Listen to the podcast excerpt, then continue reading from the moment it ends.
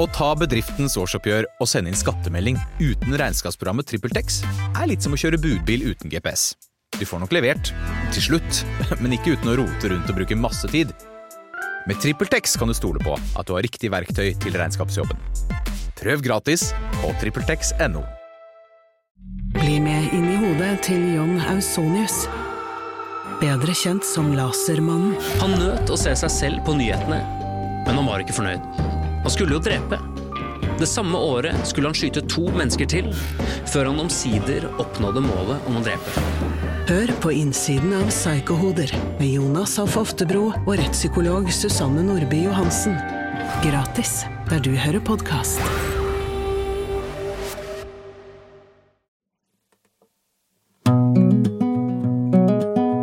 Alle har en syke, og jeg vil gjerne snakke om det. Det gjør jeg her, sammen med huspsykolog Magnus og en gjest. Dette er Pia på syke. I dag, Magnus, skal jeg starte Pia og psyken litt uvanlig. Jeg skal nemlig begynne med litt statistikk. Ok. Um, I fjor så var det 3000 færre som giftet seg. Altså I 2019 så var det 19.855 som giftet seg, i 2020 var det 16.151. Det er jo kanskje ikke så rart i forhold til covid. Nei. Men det som overrasket meg litt, det var at både antall skilsmisser og separasjoner gikk litt ned. Ja. Fra eh, ja, 9600 skilsmisser til 9003. Separasjoner fra 10400 til 10115. Ja. Og det tenker jeg må være et godt tegn, da. Ja. Tror du det er covid-relatert òg? Jeg aner ikke. Nei, ikke. Eh, men eh, var, det, var det et store fall? Det hørtes ikke det var liksom Nei, det er ikke store fall. Det er ikke store fall. Nei, eh, men hvis det skulle være reelle fall, altså, så, så må vi kanskje tenke at det er covid-relatert, da. Ja. Det er vel den ene tingen i Det, det skiller seg litt ut med 2020. ja det Det gjør var det. ikke så mange andre ting som uh, skilte seg ut i 2020. Nei. Vi får se større hvordan grad. Men det dette betyr, uansett uh, fall, uh, um, det er at i disse tallene så skjuler det seg Så håper jeg å si, bor det en del barn. Mm. Og jeg har lest et eller annet sted at det er ca. 20 000 barn da som blir rammet av skilsmisse og separasjon i året. Ok. Ehm, og med en gang det er barn involvert, så blir det jo straks mye mer krevende. Altså disse barna, de kan bli ganske opprevet av sånne ting. Mm. Dette skal vi snakke om i dag. Um, vår gjest, hun valgte en ny retning på karrieren sin, hun. Etter at hun uh, var gjennom et brudd selv i 2003. Velkommen hit, Cecilie Ham. Takk skal du ha, Pia. Du er nå foreldreveileder og eh, jobber for både barnevernet og konfliktrådet. Mm. Du driver med mekling, du er ja, foreldreveileder og Ja, øh, og, og, og jeg driver også med familieråd i, i, i barnevernet, da. Eh, Ja. Så, og du kan si at der treffer jeg jo foreldre i konflikt, eh, både i meklingsrommet Ja. og øh, når jeg er koordinator for, øh, for, for barnevernet. Ja, Så jeg ser dem fra litt forskjellige sider og vinkler. ja ikke sant. Men eh, for å spole tilbake til 2003, da. Mm. da hva, hva var det som skjedde deg der? Det som skjedde der, var at eh, jeg eh, jeg ble skilt, og eh, Og hadde da barn? hadde to barn og som var små. Og jeg kjente jo ikke så veldig mange andre som var skilt, så jeg var på veldig sånn, u, sånn nytt uh, I et nytt landskap, kan du si. Mm. Og måten jeg orienterte meg på da, det var jo ikke så mye Google og podkaster og YouTube som det er nå. Mm. Jeg prøvde jo å observere og se, og se meg rundt, Uh, hvordan gjøres dette her, fordi det var egentlig ikke så mye tilgang til informasjon, Nei. øh, vil jeg si. Uh, og så Det var ikke så mye hjelp å få. Nei, det var heller ikke så mye hjelp å få. Så Mm. da Så du kan si det at i, etter, det, etter mitt eget brudd, så så satt jeg veldig sånn tilbake igjen og tenkte at det var veldig lite hjelp å få, Pia. ja. Og, og så var det det at um, det, det som også skjedde med meg, det var at jeg litt tidligere, noen år før, så mista jeg faren min. Og der var det sånn at um, jeg hadde barn i barnehage, og um, det skjedde en litt sånn rar episode. Det som skjedde var at jeg traff en ansatt i barnehagen i sommerferien. Hvor jeg står der med barna mine, og så sier, de, så sier hun 'hei, hvordan går det?' Og så svarer jeg 'ikke så bra'. Eh, Vi har akkurat mista pappa, svarer jeg. Mm. For det hadde akkurat skjedd. Det var det mest naturlige svaret for meg å gi. Mm. Da responderte hun på og trodde at det var barna mine som hadde mista pappaen sin. Å ja. Hun jobbet jo i Barnas barnehage, så hun tok på seg oppdraget med å melde fra til barnehagen om at, uh, at Marius Andreas' far hadde dødd da i sommer. å, så hun spurte deg ikke om det? Dere Nei, snakket ikke det- videre om Nei, det? Nei, det var liksom bare utveksla den informasjonen, og hun Ja, tenkte ja. her må jeg varsle min arbeidsgiver. Ah. Disse barna skal tilbake. Så de lagde jo et ordentlig apparat, for vi hadde jo sommerferie når dette skjedde. Ja. Så pappa døde 13. juli i 2000, og da var det bare litt sånn Når vi kom tilbake igjen etter sommerferien, så kom jo pappaen til barna og jeg, vi kom sammen for å levere barna. Mm. Hvor på barnehage De hadde jo fått helt sånn de hadde jo, Dette ble meg fortalt i ettertid. At uh, han lever, han lever, hadde de liksom ropt. Jeg trodde vi- de tenkte at du hadde allerede fått en ny mann. Nei, de tenkte, for det var jo pappaen til Marius Andreas som kom. Ja. Ikke sant? Så de, så han, han, igjen, som skulle være død, Mm. kom jo og leverte barna, så de, de bare fikk jo helt panikk i barnehagen. Han lever! og hvorpå, og hvorpå at jeg da sier til Kelly, som var eh, den som jobba på avdelingen med Mm. barna våre, da, sier at uh, Kelly, jeg mista pappa i sommerferien. Mm. Så svarer Kelly ja ja, sånt skjer. Hvorpå jeg tenkte sånt skjer. Jeg ble liksom ikke helt møtt etter, eh, Nei, etter det jeg hadde forventa. Nok om det, det var i 2000. Mm. Så når eh, mannen min og jeg ble skilt, da, da Det var jo i 2003, også en sommerferie. Og det var jo sånn at når de kom, da hadde de begynt på skolen, og da tok det faktisk noen år etter det igjen at, at jeg, litt treg der, jeg kobla at ok, sånn tar vi imot barn hvis de mister pappaen sin. Det blir fullt eh, beredskap Mm. i barnehagen. Ja, ja.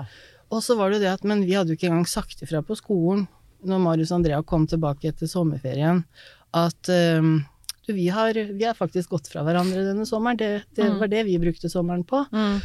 Og da ble det veldig sånn sakte, men sikkert tydelig for meg at eh, det er jo noe vi ikke Altså, vi overser jo barna våre her på en annen måte. For dere meldte ikke fra om det? Nei, dere vi så nei, det da var det ikke ikke noe beredskap, så da Nei, da var det ikke noe beredskap, nei, så jeg tenkte jo sånn sånn etterpåklokskap at det var jo faktisk ingen som kunne møte Marius og Andrea på en god måte på skolen den eh, høsten der, fordi det var jo ikke det første som jeg tenkte på å, å melde ifra om den gangen, da. Nei. Vi må igjen si at det var jo i 2003, jeg vet at skole og barnehage er mye bedre på å oppfordre foreldre til å komme løpende og fortelle om at de nå har skilt seg. Ja.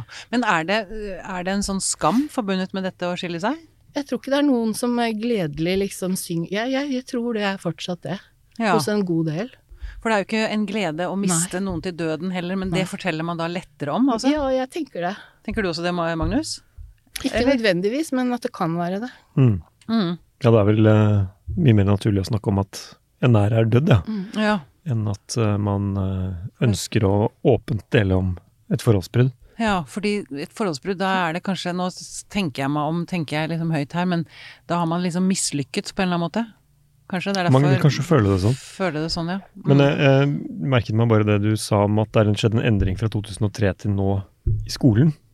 Eh, fordi eh, jeg har jo skolebarn selv nå, og ble jo også tenkte på det da du sa det du sa, at vi ble veldig, veldig klart informert ved skolestart om hva de ønsket å få av opplysninger om hjemmesituasjonen. Mm. Da var det sånne ting.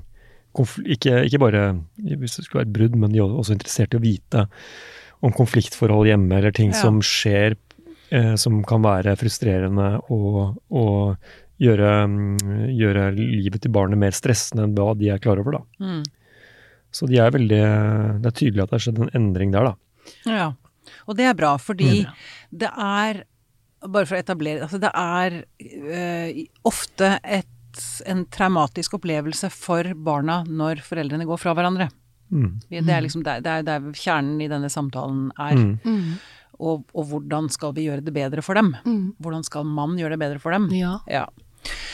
Ehm, hva tenker du er de sterkeste følelsene barna sliter med i en sånn eh, situasjon? Spesielt da kanskje hvis det er en konfliktfylt skilsmisse, som det vel ofte kan være. Mm. Og det er jo veldig individuelt, selvfølgelig, ut fra ja, hvert enkelt barn. Mm. Hver enkelt samlivsbrudd vil alltid være forskjellig. Mm. Men jeg tenker at uh, særlig både lojalitetskonflikt Altså når du snakker om brudd med konflikt, Mm. særlig lojalitetskonflikt mellom mamma og pappa, og um, og så, også sorg og savn, eh, selvfølgelig. Mm. Men jeg, jeg tror det største sånn i ordskyene jeg får opp her nå, så tenker jeg at det er lojalitetskonflikten når mamma og pappa krangler. Og så er det jo det der at man ikke vil At barna ikke ønsker å belaste foreldrene sine. De skjønner ofte at de er nødt for å tilpasse seg dems eh, konflikt. Ja. Eh, og, og det blir jo ikke plass til eh, barna, tenker jeg. Altså, nei, jeg vil nok, altså, det er jo mange følelser som kommer i barna, og selvsagt også savn Mm. eh, i det at man kanskje er vant til å få godnattaklem av både mamma og pappa, eller sånne ting, og, Mm. og så er det jo ja. Og kanskje også en uro fordi det, det man trodde var konstant og trygt, plutselig ikke er det. Mm. Og hva kan skje da, liksom? At man, man får en redsel rundt det. Så kommer det an på alderen til barnet, ikke sant. Ja. Er de små, så, så skjønner de jo ikke hva som skjer, men de tar jo inn følelser og stemninger og, og så videre allikevel. Så bare opp Altså, én ting er at barn tilpasser seg jo veldig mye, det vet vi jo, men, men allikevel så er det noe med at eh, jeg tenker at vi ikke orker å ta inn barnas smerte, da. Eh, og, at det, og at vi dermed ikke klarer å lage gode nok rom for dem, da. Eh, I forbindelse med samlivsbrudd generelt, og særlig, særlig da når det er konfliktfylt, som du sa, Pia. Ja, Men du sier at vi orker ikke å ta inn barnas smerte. Betyr det at vi, altså, vi beskytter oss selv når vi, når vi da ikke gir barnet rom for å fortelle hva det føler? Jeg tror at det mange ganger kan være det. At, øh, det er det ene, og det andre er at mange foreldre, særlig i konflikt, er veldig slitne av sin egen konflikt. altså sånn, de er slitne Den har vart lenge som regel, når man kommer dit at man går fra hverandre. Mm. Og, og hvis man på en måte ikke klarer å lande konflikten, men isteden har eh, pågående konflikter om både hvordan gjør vi det med oppgjøret vårt her, eh, mellom altså eiendeler, eh, og, og hvordan var det bruddet? Var det veldig sterke, grove svik, eller var det ganske ryddige forhold? Det er jo så veldig mange sånne type ting som, som avgjør uh, veldig mye hvordan stemninga blir i begges nye hus, da. Ja. ja. Mm. Mm. Du sa i sted at du ser det fra forskjellige sider da i barnevernet og konfliktrådet. Mm. Kan du beskrive forskjellen på de to situasjonene? Eh, ja, altså Eller stemningen i de Jeg prøver å, Nå prøver jeg Ja, liksom ja. å komme inn i situasjoner du, du står i da, jevnlig. Ja, for du kan si det at det, det som er med konfliktrådet, dit kommer jo noen foreldre som ikke klarer å, å lande konflikten sin hos eh, familievernet. Mm. For det er jo dit foreldre eh, sendes når Ja. de skal skilles. Kommer de først til familievernet. Og det, jeg holdt på å si, det er lovpålagt. Det er lovpålagt minst én time for å vise at ja, vi har fått en avtale på plass eh, og rundt barna, for, for foreldre har jo eh, kan jo bestemme selv hvordan de vil løse eh, samvær og sånn etter et brudd. Mm. Noe jeg syns er veldig fint at vi har det sånn i Norge. I utgangspunktet. Mm. Men så er det de som da ikke klarer det, så får du en del timer hos familievernet. Mm, og så hvis de ikke klarer å komme til enighet der, så er det veldig mange som da går skrittet til uh, rettsapparatet vårt. Men så er det noen som finner veien til konfliktrådet. Ja. Fordi jeg har leita veldig siden 2003. Er det noe annet der ute da, som vi kan få hjelp av når, det, når vi ikke får det til? Som er steget før rettsapparatet? Ja, Mm. for å unngå Fordi jeg, tenk, jeg personlig tenker at rettsapparatet ikke er det beste stedet for å løse de sakene, hvis man kan Nei. unngå det, da. Nei. Men hva slags Hva, hva er det man, man slåss om mest? Hva er det konfliktene går på? Mye konflikter går jo om eh, eh, hvor barna skal bo mest. Mm, Det er veldig mye snakk om uh, overnattinger. Det får jo også økonomiske konsekvenser for begge foreldrene, hvor, hvor mange netter barna sover hos uh, og sover, ikke sant? Okay. Mm. Og det kan høres veldig sånn i Norge, sant, det rike landet vi bor i. Det som skjer når man, for veldig mange, men ikke alle, når man eh, skiller lag, det er at man får jo en generelt dårligere økonomi. Eh, med forbehold, da. Men som regel er det jo sånn at man skal ha to boliger, og to, to av mye mer, og i det hele tatt så får jo veldig mange mye dårligere økonomi. Mm. Og økonomi er jo en veldig viktig del av uh, hverdagen til uh, familien. sånn at uh, det gjør veldig vondt for mange. Og der også, når du snakker om skam, Mm. der tenker jeg også at mange kjenner på skam. Eh, at man blander inn ikke sant? Man vil nesten ikke innrømme for seg selv. Men det hører jo jeg i veldig mange, både i konfliktrådet og i, gjennom barnevernstjenesten, Mm. at det er jo klart at det, det er veldig vanskelig. Og man skal dele kanskje etter 15 år, 20 år, ting og tang. Og det var den derre hytta, da, som den ene hadde arva, men den andre hadde innreda. Pussa opp og ja, ja, ja, ikke sant? Mm, mm. Og så tenker mange, og da, og da hører jeg veldig mange fagpersoner innen særlig advokater og noen, eh, noen på familievernkontoret kan de ikke ta seg sammen, det gjelder jo barna deres. Og da, da, da sier liksom hjertet mitt at uh, de har det kjempevanskelig, de Ja. foreldrene. De Ja. gjør så godt de kan. Mm. De har, uh, de har en historie vi ikke kjenner til alle bitene i, Mm. og de um, de strever, og så får de det da ikke til. Mm, mm. Mm. Eh, Jeg har bare lyst til å, å, å sende ballen litt over til Magnus, fordi det, det Cecilie snakker om her, den skammen. Um, hvordan Altså, skammen over å ha mislykkes, skammen over å plutselig ha dårlig råd, uh, kanskje andre ting, ja. Har du noen eh, gode innspill til hvordan man kan møte den skammen? Ja. Det er jo realiteter som det er vanskelig å gjøre så veldig mye med, da. Ja, men for det er egentlig Det er, så, det er en sånn For meg Jeg, jeg vet Jeg sliter med masse skam selv, jeg altså. Så jeg, men det er en sånn unødvendig byrde å drasse på på toppen av alt andre, da.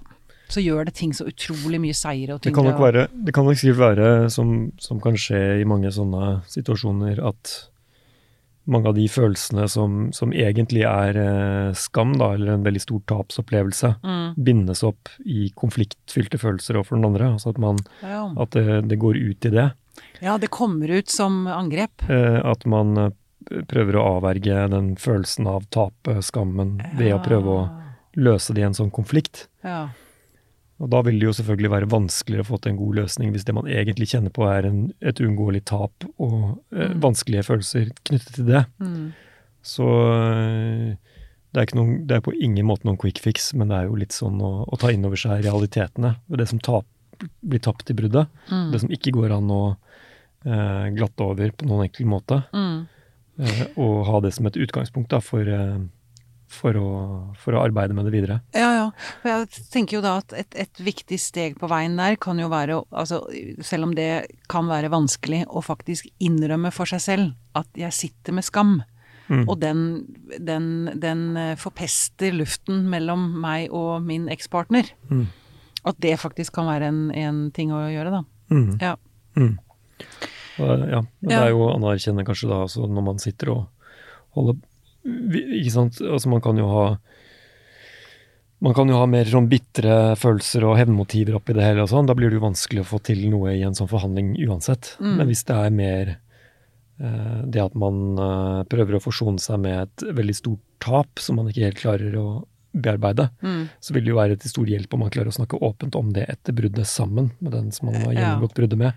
For å liksom skjønne at eh, vi blir ikke Ja, det blir jo Men- ikke lett på noen måte, dette her, uansett. Nei, men da, da kommer denne sårbarheten inn. Da må man stille seg sårbar, og det også er jo kanskje noe av det mest skremmende vi mennesker gjør. Jeg vet ikke.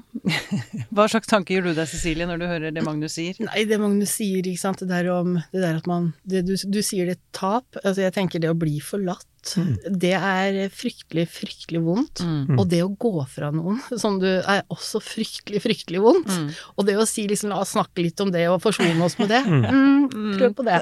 Gjør det. Men altså sånn kunsten og historien viser jo at uh, det er jo noe av det verste vi mennesker opplever. Kjærligheten er det største, Mm. og tap av den den. uansett hvordan det måtte skje, Mm. er jo det noe av det verste vi opplever. Mm. Vi har, som du sa, vist oss sårbare, vi har åpna oss opp Mm. og vist oss veldig sånn nakne for den andre, og plutselig så er man Avvist. Ja, man er avvist, og plutselig er man i en konflikt som går over i en krig, en stille krig. Mm. Fordi den er jo ikke anerkjent noe sted, så det blir jo en slags sånn borgerkrig i leirene bortover mange steder. Mm. så er det jo selvsagt ikke overalt. Og noen samlivsbrudd er jo så bra for alle, særlig der det er vold, og altså sånn hvor det endelig ble det ro. Så det er jo en sånn mange fasetter av brudd, da, men, Mm. men jeg tenker at det å liksom krangle med eksen sin på tredje året, da begynner alle rundt deg å bli ganske lei. Mm. Alle er liksom Er du ikke ferdig med henne nå? Mm. Så det, det, er, det er Jeg tenker at vi, vi bør lage flere rom for det, det problematikken, da, Ja. enn det vi har. ja. Uh, Og, og bruke de rommene familieråd og mekle konfliktrådet Mm. mye mere. Fordi Mm. Du spurte meg i stad, Pia, og det som er med familieråd, da, de arbeider jo på en helt annen måte enn uh, Og jeg tenker på det mye som gullstandarden i forhold til foreldre som går fra hverandre. Og grunnen til det er at da setter familie og nettverk seg rundt bordet sammen, og så har man barn i midten. Så istedenfor å sette seg i en rettssal hvor barnet ikke er der, men du har hver din advokat, Ja. som jeg har hørt rykter om at kan finne på å si, hvis du er litt uheldig, har vi noe på han, eller? ikke sant? Ja. Det er det er liksom startpunktet for, uh, for rettssaken. Nå sier jeg ikke at det gjelder så mange, men at hvis det er utgangspunktet, mens, Mm.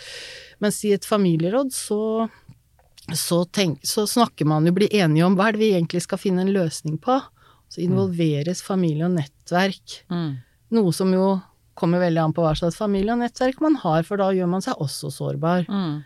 Men de foreldrene som sier ja til det, så kan det bli veldig fint for barn, og det kan være, være Og ikke minst at bar- barn blir involvert. de blir involvert, de blir hørt, Mm. og de skal selvfølgelig ikke bestemme, for det skal jo de voksne gjøre. Mm. Så man må aldri blande og tro at fordi at man hører på barn, så da skal de bestemme, for det er de voksne som må ta ansvar og bestemme i Ja. forhold til barna sine, til Ja. de er voksne, Ja, ja, ja. faktisk. Ja. Selv om det er deilig. å- Og da har jeg hørt advokater si at eh, mange foreldre venter på at barna skal bli tolv år, så de kan bestemme. Fordi, oh, ja. fordi hvor de vil bo. ja. fordi da slipper jo de å ta den Ta den avgjørelsen. avgjørelsen. Ja. Og jeg Mm. skjønner jo tankegangen også, men det er veldig viktig at de voksne som har mest eh, livserfaring, Tar, tar, Tar og at, de at, de, at de tar den børen. tar den byrden. Mm. Byrden, Byrden, heter ja, det. Ja, helt helt mm. enig. Jeg tenker også på dette med å involvere barna. Det er jo noe med at barn eh, Hvis de blir holdt i mørket, så blir jo fantasiene deres mye verre, egentlig, enn realiteten kanskje er. Mm. Altså, barn har jo, kan jo spinne av gårde i ganske langt ut eh, i, i sine vonde fantasier. Absolutt. Mm, Veldig, jeg er mm, helt enig, mm. og derfor er det jo viktig å forsøke å involvere barn eh, hvis man klarer det på en eller annen form eller måte, på en god Ja. måte. Så de får informasjon. Du, det er ikke deg. Det er ikke deg. Mm. Du er ikke alene, og det er ikke din skyld. Det er jo Mm. på en måte det vi skulle ønske at vi kunne virkelig få inn hos alle barn. Ja. Men du, eh, vi, er, vi, vi skal litt ut fra, fra det vi begynte på, disse forskjellige situasjonene du står i. Mm. Um, du fortalte om, om konfliktrådet. Mm. Um, og der, hvor ofte vil du si at man kommer til enighet der? Altså Noen ganger kan det å komme til enighet f.eks. bety for noen at de endelig skal gå fra hverandre òg, bare så det er sagt. Eh, Så det, jeg, jeg har ikke noe tall på det, men du kan si at konfliktråd Jeg vet ikke om dere kjenner så mye til hvordan de jobber med gjenopprettende prosesser fra før av? Nei, jeg vet ingenting om det. Nei. Mm. Nei, for det er det som er at konfliktrådet det ligger innunder, innunder Justisdepartementet og er et gratis tilbud for alle i hele Norge. I alle fylker har vi et konfliktråd, og så er det kanskje blitt eh, markedsført litt som at det handler om eh, om kriminelle og så videre, men, Mm. men det er snakk om å gjenopprettende prosesser hvor man setter seg sammen og går bestemmer at det, dette er vanskelig for oss, dette har vært fryktelig vanskelig for oss. Så det er jo en frivillighet her, da, som Og dette skal gjelder alle typer situasjoner, egentlig? Absolutt, om du, har- om du har nabokrangel, eller om Ja. det er flaggstanga som skal bort, eller treet som skal ned, Mm. så har vi, har vi et konfliktråd i Norge, som var Nils Kristi, da, som var eh, kriminolog og konfliktrådets far her. Mm. Og tanken er jo at man Det er jo mange andre kulturer hvor det er jo litt sånn grunnleggende menneskelig sette seg ned når man har en konflikt, hvordan gjør vi dette? Og så vil man Mm. at de som det gjelder, skal være de som har løsningen, da. Og da er det sånn at konfliktrådet som da har, eh, jobber etter en modell med gjenopprettende prosesser, man går tilbake til hva er det som skjedde, Mm. og hva følte du da, hva tenkte du da, og så hva tenker Ja. du nå, og hvor vil du at det skal være framover? Og da tar man jo små ting av gangen, da. Mm. Så, så Ja. da jobber man på den måten, med mekler. Ja. Ja. Jeg, Mm. jeg bare, nå, vi, vi må komme oss tilbake Ja. til barna. Mm, enig. Eh, barnevernet, da. Hva, hva, slags, eh, hva, hva slags type hva, gjør du der? Hva er din rolle det, er der? det er jo tilrettelegger der òg, da. Mm. Eh, En upartisk tilrettelegger som Mm. skal legge til rette for gode eh, dialoger mellom de partene. Og da, sted, og da å finne løsninger, at de blir enige om hva er det vi skal prøve å finne en løsning på. Ja. Men hva uh, gjør du da? Din rolle i dette, hva, hva, hva ser du? Hva, hva opplever du når, du når du sitter i disse mm. møtene eller disse situasjonene? Det er litt morsomt at du sier det, for jeg blir egentlig kastet ut i selve det fysiske møtet, så jobben min er i forkant, å snakke Å, ja. med absolutt alle i familie og nettverk som foreldre og barn ønsker å invitere inn. Mm, Og da deler jo, og da får jeg taushetsplikt, mm, og sånn at alt det de deler med meg, det, det sier jo ikke jeg til noen andre. Så min rolle er å egentlig å preppe dem før de skal treffes inn i rommet. ja. Sånn at de selv om det er mange andre typer konflikter, så er det dette med hvor skal Lisa bo mest, og, og så skal hun besøke tante, og kan det være rom for bestemor? Men er det mye følelser i disse møtene? Er du, er, er, er du sånn terapeut? Jeg er ikke terapeut, vil jeg si egentlig, selv om senest i dag var det en far som sa at dette ble jo rene terapi, men det er jo det med at man snakker man får lov å snakke om det som gjør vondt, da, ikke Mm, sant. mm. Men jeg er ikke en terapeut, nei. Jeg er en tilrettelegger. Nei, jeg skjønner, men jeg, jeg vet at du ikke er det, at, at tittel, liksom, men, men at din jobb er litt sånn Ja, altså, er det litt sånn det kan terapeutisk Det kan jo ha en terapeutisk virkning å få lov å snakke om noe som er vanskelig og vondt, og det er jo Mm. det som jeg tenker at det er, det er så bra med både familier og, og konfliktråd, at vi sier nå skal dere få lov å gå inn i dette rommet, det er en nøytral møteplass, og snakke om det som dere syns er vanskelig. eh, og dere skal få hjelp på veien av, eh, av eh, I barnevernet er det en saksbehandler og meg som er koordinator, og i konfliktrådet er det én til to meklere. mm, Man får med seg en upartisk person som Mm. skal hjelpe til med å styre ordet, holde deg til saken, og bruke jo disse spørsmålene, de gjenopprettende spørsmålene, og det å bruke spørsmålene som de øns foreldre ønsker å få svar på, da. ja. Ja. Hvis det ga noe mening. Ja. Eh, ja, uh, uh, men jeg, jeg tenker på Altså, når du sier at du Du er jo opptatt av å verne barna i dette. Hva, hvordan gjør du det? I forhold til dette. Veldig Ja, morsomt ja. at du sier det. Jo, fordi at nei, altså sånn Alt dette som jeg snakker om nå, handler om voksne. Altså sånn, Det handler jo om å hjelpe de voksne så de skal bli gode for barna, og forhåpentligvis få stemmen til barnet litt mer fram. Mm. Sånn at eh, så vidt jeg kjenner til tilbud rett mot barn, Mm. det, det er på en måte hjertebarnet mitt, og jeg jobber for å få, få For at vi skal få mange flere tilbud som er direkte retta til barn, da. Mm. For familierådet er jo sånn du kan si, vi har jo vært veldig opptatt av å få barnets stemme inn i rommet, og i dag måler vi jo hvor mange barn er hørt på familievernkontoret. Ja. Altså sånn stykkpri, altså stykkvis, hvor mange barn har dere hørt nå? Ja, nå er vi oppe i snart 40 Mm. Det er måten å måle på. Da kan Ja. tenke deg hva slags kvalitet Det er ingen kvalitetsindikatorer. Mm. Det er bare har dere hørt barn? Ja, fint, da har du kryssa der. Da måler vi det og sender inn til FNs barnekonvensjon. Nå har vi hørt enda flere barn. Mm. Men jeg tenker på at helsesykepleierne på skolen har jo noen tilbud Mm. til barn som har opplevd samlivsbrudd. Mm. Det er veldig tilfeldig hvilken skole du går på, hvilken kommune du bor i, Mm. om det er et sånt tilbud eller ikke. Mm. Så, så mitt hjertebarn er jo at vi må åpne en dør for alle barn i Norge som opplever brudd. Gi dem noen tilbud, Mm. uh, sånn at Sånn at de får muligheten til å få det rommet, de også. Som voksne. Vi sier til voksne dere kan komme til konflikter, og dere kan komme til familievernkontoret, og dere kan Mm. komme til eh, en psykolog eller en Ja, ja, ja. advokat. Mm. Det er nesten ingen tilbud til barn i Norge som opplever samlivsbrudd, det er jo min påstand, da. Hva sa du, det er ingen Det er nesten ingen tilbud direkte Til- til, til barn. barn. Nei. Hvis du har foreldre som får kreft, eller noen dør, så er det sorggrupper på sykehus og sånn, men så mange barn, vet du. Det blir jo veldig, veldig dyrt for eh, Mm. det offentlige hvis de skulle åpna en dør for alle sammen. mm. Mm. Å drive en bedrift uten regnskapsprogrammet TrippelTex er litt som å piske krem uten miksmaster. Det går jo, men det bare tar masse unødvendig tid. TrippelTex, det fleksible regnskapsprogrammet som forenkler hverdagen for over 100 000 fornøyde kunder. Prøv gratis på trippeltex.no. Men hva, jeg på å si, hva er, hva er eh, dine råd til foreldre som eh, nå eh, står i en konflikt, vurderer å skille seg, eller ligger i en skilsmisse, i en separasjon? Nei, jeg tenker at det å, å orke å se at det, hvis, det, hvis det er vanskelig for deg, så kan du gange det med ganske mye, og at det er vanskelig for barnet ditt. Altså Mm. det å altså, skjønne det. Syns du dette her er kjipt? Mm. Gang det med ti i forhold til barnet ditt sin opplevelse av situasjonen, for mange tenker at de merker jo ikke dette her, eller det går fint med dem. Mm. Eh, Så for å anerkjenne at det er vanskelig for dem, Mm. for at idet vi anerkjenner at dette er ugreit for de små, så tror jeg at vi nærmer oss dem på en annen måte enn hvis vi tenker det går fint. Det sier forskning sier det også. Mm. Så jeg tenker å anerkjenne at det er vanskelig for dem, Mm. selv om jeg skjønner at mange kjenner på skyld og, og igjen sorg og skam over at man Ja. påfører barna smerte Mm. gjennom bruddet sitt. Mm. Så tenker jeg at liksom det å tillate, å tillate å anerkjenne at det er vondt for dem, er liksom det kanskje det aller viktigste. Og så, og hva gjør vi da? Mm. Hvordan gjør vi det da?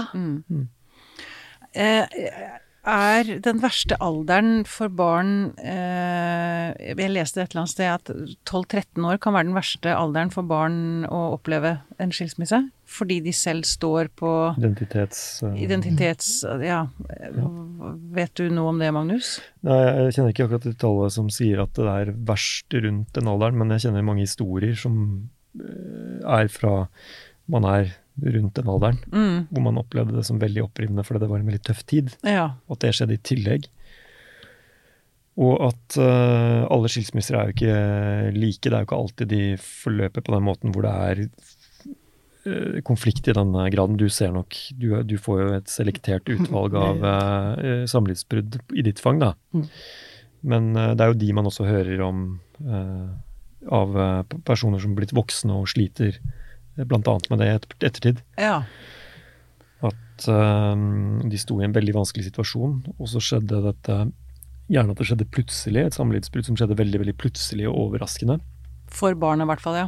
For barnet, i hvert fall. ja. At Mm. det, det var som om en eller annen trygghet Den tryggheten som var å være hjemme, i hvert fall, eh, gjorde det livet utholdelig i den Mm. vanskelige alderen. Mm. Eller gjorde livet eh, ikke utholdelig, men, eh, Men- gjorde det verdt å eh, Eller Vanskelig. gjorde en mer robust Mm. i møte med de vanskelige tenårene. Ja.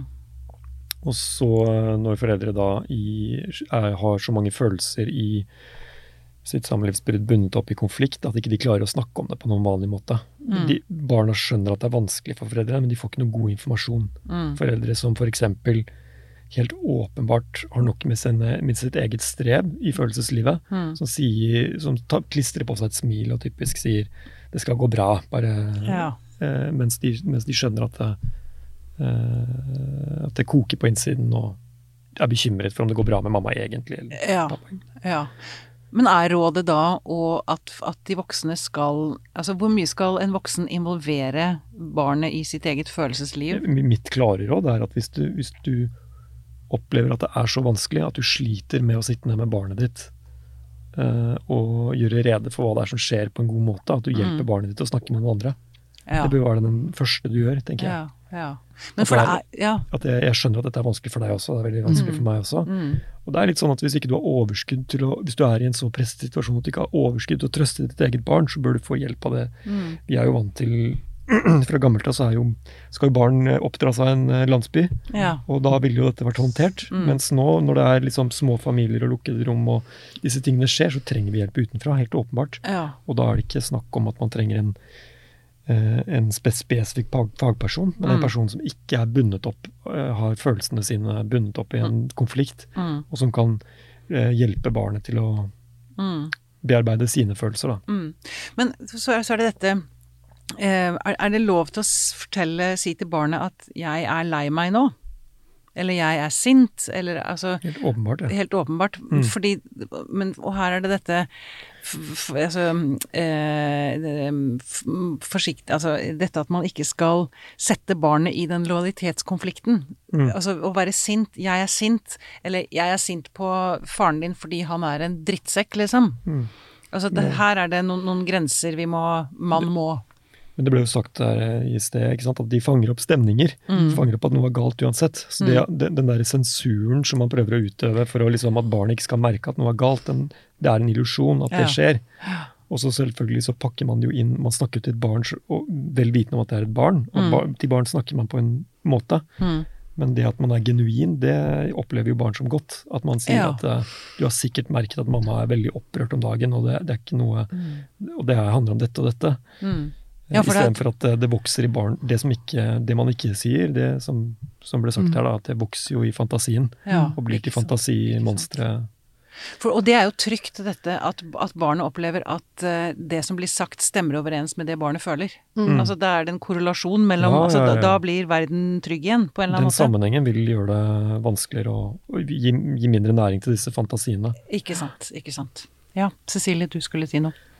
Nei, jeg bare, jeg bare sitter og er enig i det dere sier, særlig det du sier om at eh, det der å også si til barnet sitt liksom «Nei, det går helt fint. Altså, det går ikke. For de, de, de er, Det går helt helt fint, og så ser man ja, at, altså, De har jo mm. mastergrad på oss foreldre. De, de skanner oss jo hele tiden. Sånn Mm. at vi må nok prøve etter beste evne å komme med noe lurt da om at nå har jeg det ikke noe bra.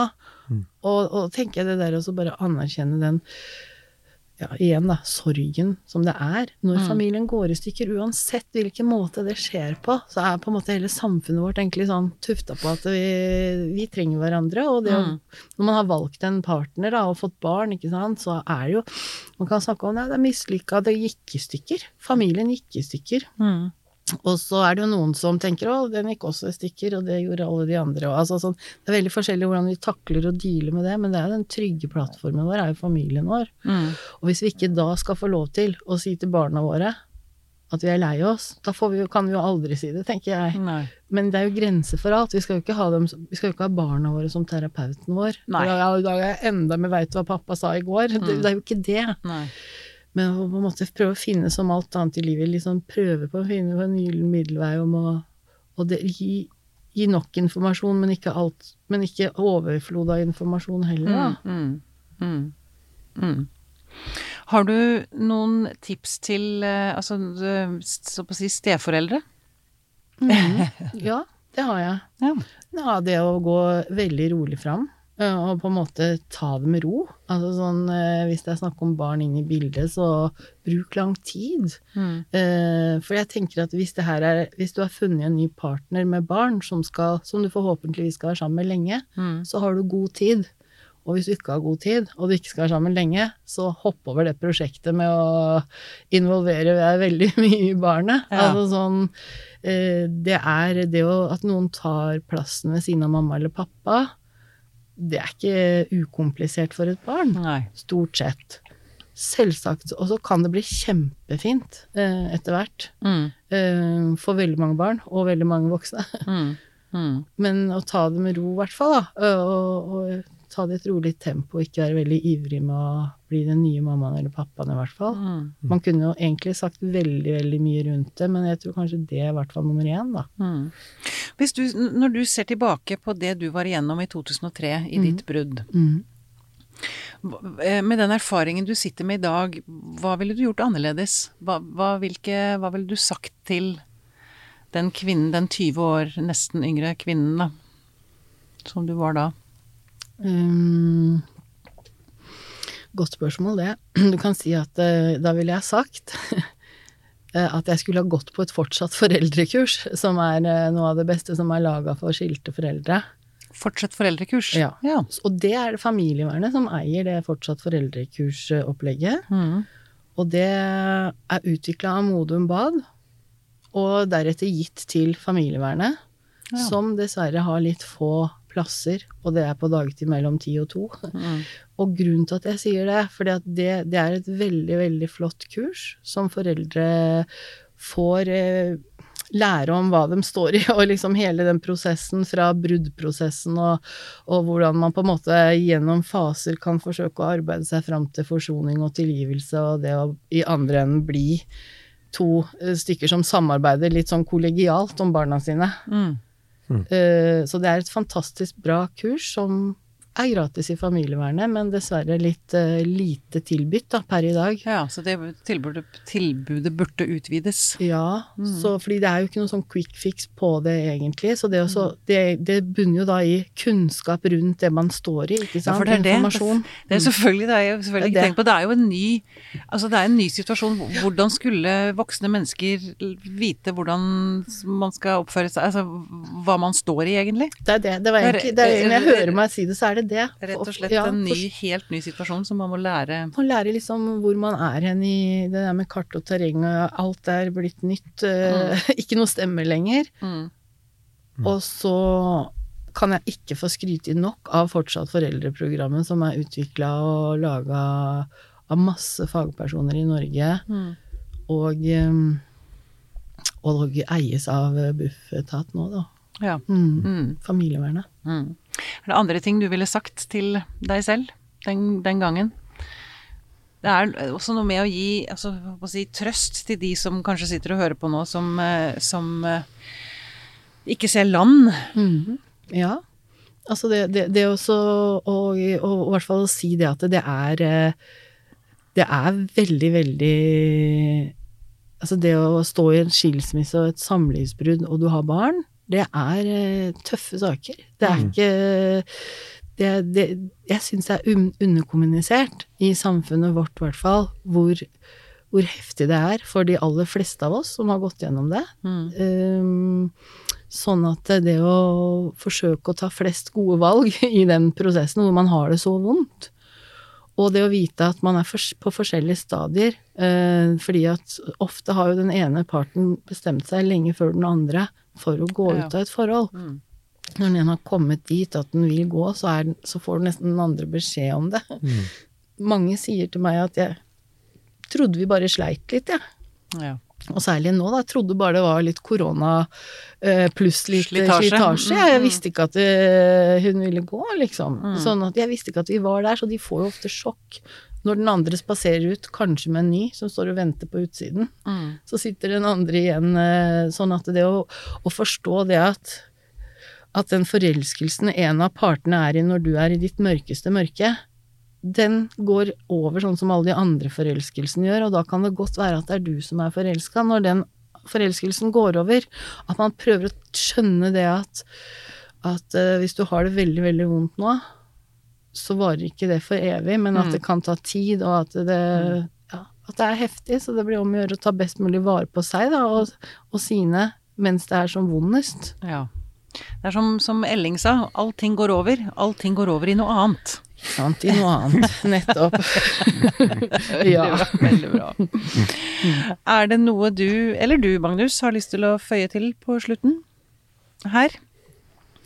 Som dere tenker er viktig å få sagt til eh, foreldre som er foran, midt i eller rett etter et brudd? Prøv å finne noen gode Altså, velg å samtalepartnere med omhu. Uh, vær litt obs på hvem du velger å på en måte spare med uh, i bruddet ditt. Er det den bitreste kompisen du har på laget, liksom? Er det dere to som skal sitte og drikke Og sammen? fyre, fyre hverandre Ja. opp og og legge pinner på bålet, eller har du noen andre gode krefter rundt deg som du tenker kan være lurt å, å bruke litt eh, som sparringspartner eh, akkurat når det gjelder Mm. brudd og barn? mm. Prøve å tenke litt langsiktig, altså Ja. ikke bare fyre opp og få de der eh, gode hevntankene, følelsene, men Man kan godt, de, de kommer man sikkert til å ha i perioder, men spørsmålet er hva gjør du med dem? Skal du kose deg med dem og la dem få vokse og gro, eller skal du tenke at ja, dem var også der, men det er ikke dem jeg har tenkt til å gi mest næring her, da. mm, Ja. mm, mm. Bare gjenta det med barna.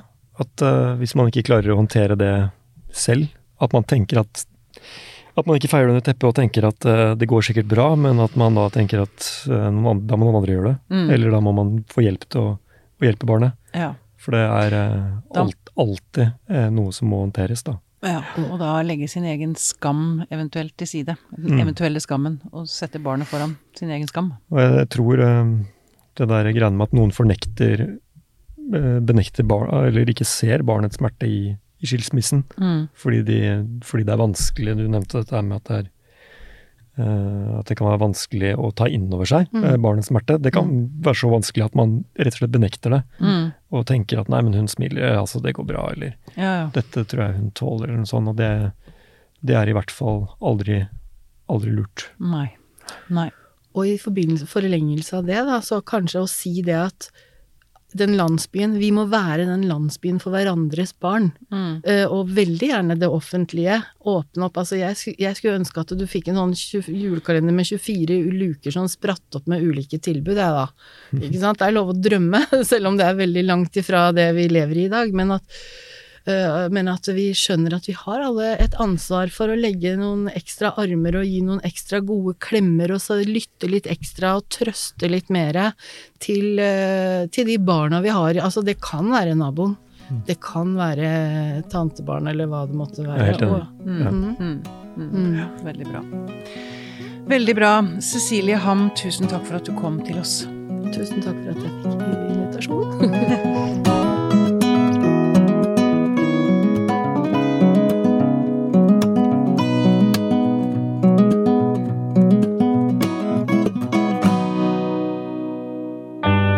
Denne podkasten er produsert av Tid og List. Med støtte fra stiftelsen Kåre Berg. Å ta bedriftens årsoppgjør og sende inn skattemelding uten regnskapsprogrammet TrippelTex er litt som å kjøre budbil uten GPS.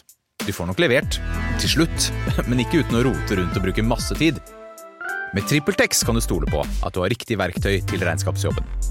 Prøv gratis på TrippelTex.no.